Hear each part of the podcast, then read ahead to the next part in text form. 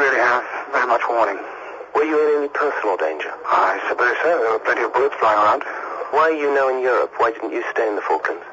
Um, well, we, were- we were kicked out by the Argentines. We were thought to be uh, undesirables, and they packed us off back home.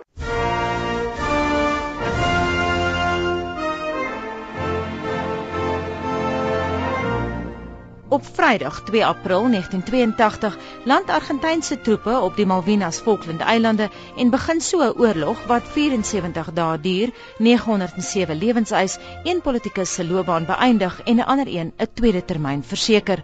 Boonop betrek dit verskeie internasionale rolspelers. Those young men aren't fighting for mere real estate. They fight for a cause, for the belief that armed aggression must not be allowed to succeed and the people must participate in the decisions of government.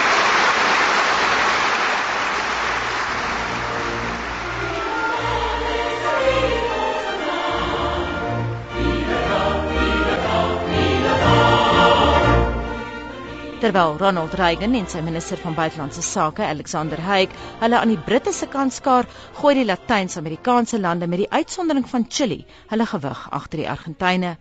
Maar 2 April het 'n lang aanloop van kolonialisering wat reeds in 1764 begin toe die Franse hulle vlag naby die Barkley Sound kus insteek en die gebied die Île Malouine doop. Die Spanjaarde, Britte en Argentyne sou om die beurt die eilandgroep eis.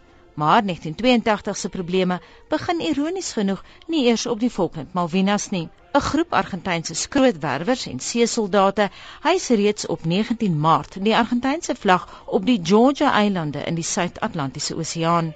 Skote word afgevuur en op 31 Maart berig die Britse vlootattaché in Buenos Aires dat die ganse Argentynse vloot ontplooi is.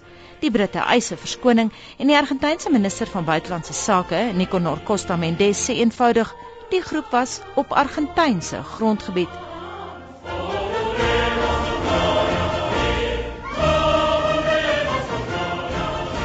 En dit is waaroor die debat tot vandag toe nog voortwoed. Argentinië se ambassadeur in Pretoria, Carlos Cersale di Serisano. just looking at the map. There is an obvious explanation. Basically, when you have an island that is 400 kilometers from the continent, you need to discuss that, the sovereignty issue. If you don't look at that, no other discussion is profitable.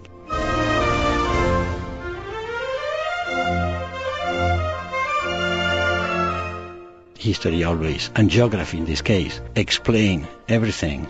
This is a colonial problem that was started in the 19th century, and we are already in the 21st century.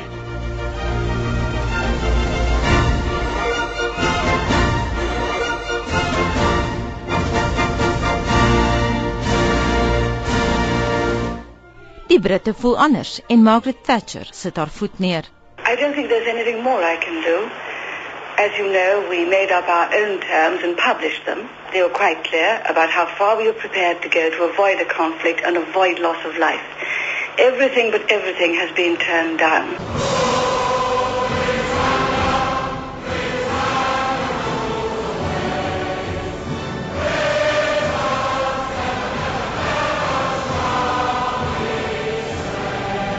Die wêreld se verdwaaste oë beweeg van die Koue Oorlog in die noordelike halfrond suid, waarheen die Britse HMS Splendid en HMS Spartan reeds op pad is.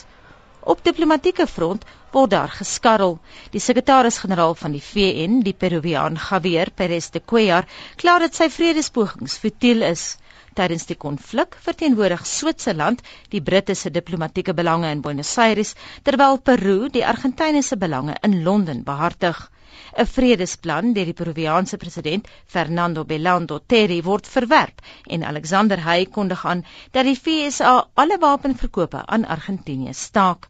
Die Argentynse minister van buitelandse sake, Nicanor Costa Mendes, is ontevrede. They should be asked to abstain from any act that can aggravate the situation, and even more, they should refrain from giving material help to the extracontinental aggressor. Die Amerika se Big Brother verskaf nou duikboot opspoorstelsels en missiele aan Brittanje terwyl die Franse die Britse Harrier vlieëniers oplei oor hoe die Argentyne in die lug baas te raak. Did you hit that helicopter? We hit it with at least 500 rounds, I would say. And what happened to it? Badly damaged. Somehow managed to scrape its way to the other side of the bay with smoke trailing all the way behind it. Beide kante veg 'n taai stryd. Die Amerikaanse vloot glo 'n suksesvolle Britse teenaanval is 'n militêre onmoontlikheid. Die Britte het slegs 42 vegvliegtuie teenoor die Argentyne se 122, terwyl die Argentyne egter sukkel met 'n tekort aan diensbare vliegvelde op die Malvinas en dus hulle lugaanvalle vanuit die Suid-Amerikaanse kontinent moet loods. Op 2 Mei sink die HMS Conqueror, die Argentynse gevegskip Belgrano, wat 323 lewens eis en die Britte 'n strategiese voorsprong gee. Die Britse en Argentynse media veg hulle eie klein propagandaoorlog. Die Argentynse tydskrif Tal Cual beeld Thatcher uit met 'n oogklap en die beskuldiging seerower heks en moordenaar terwyl die Britse poniekoerant The Sun kruiraad vir Leopoldo Galtieri se militêre regime het. Stick it up your junta. 13 Junie is die keerpunt wanneer die Britte Port Stanley terugvat. Michael Nicholson berig. We could see the tiny dots of Argentine troops running from their positions, throwing down their guns, running out of our sight down the slopes on the other side that was Stanley.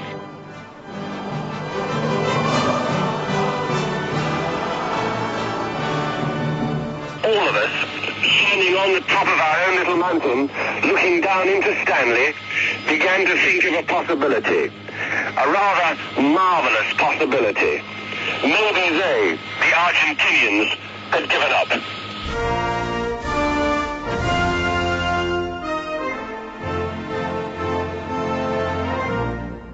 649 Argentyne, 255 Britte en 3 Falkland-eilanders sterf. They died, but others may live in freedom and justice.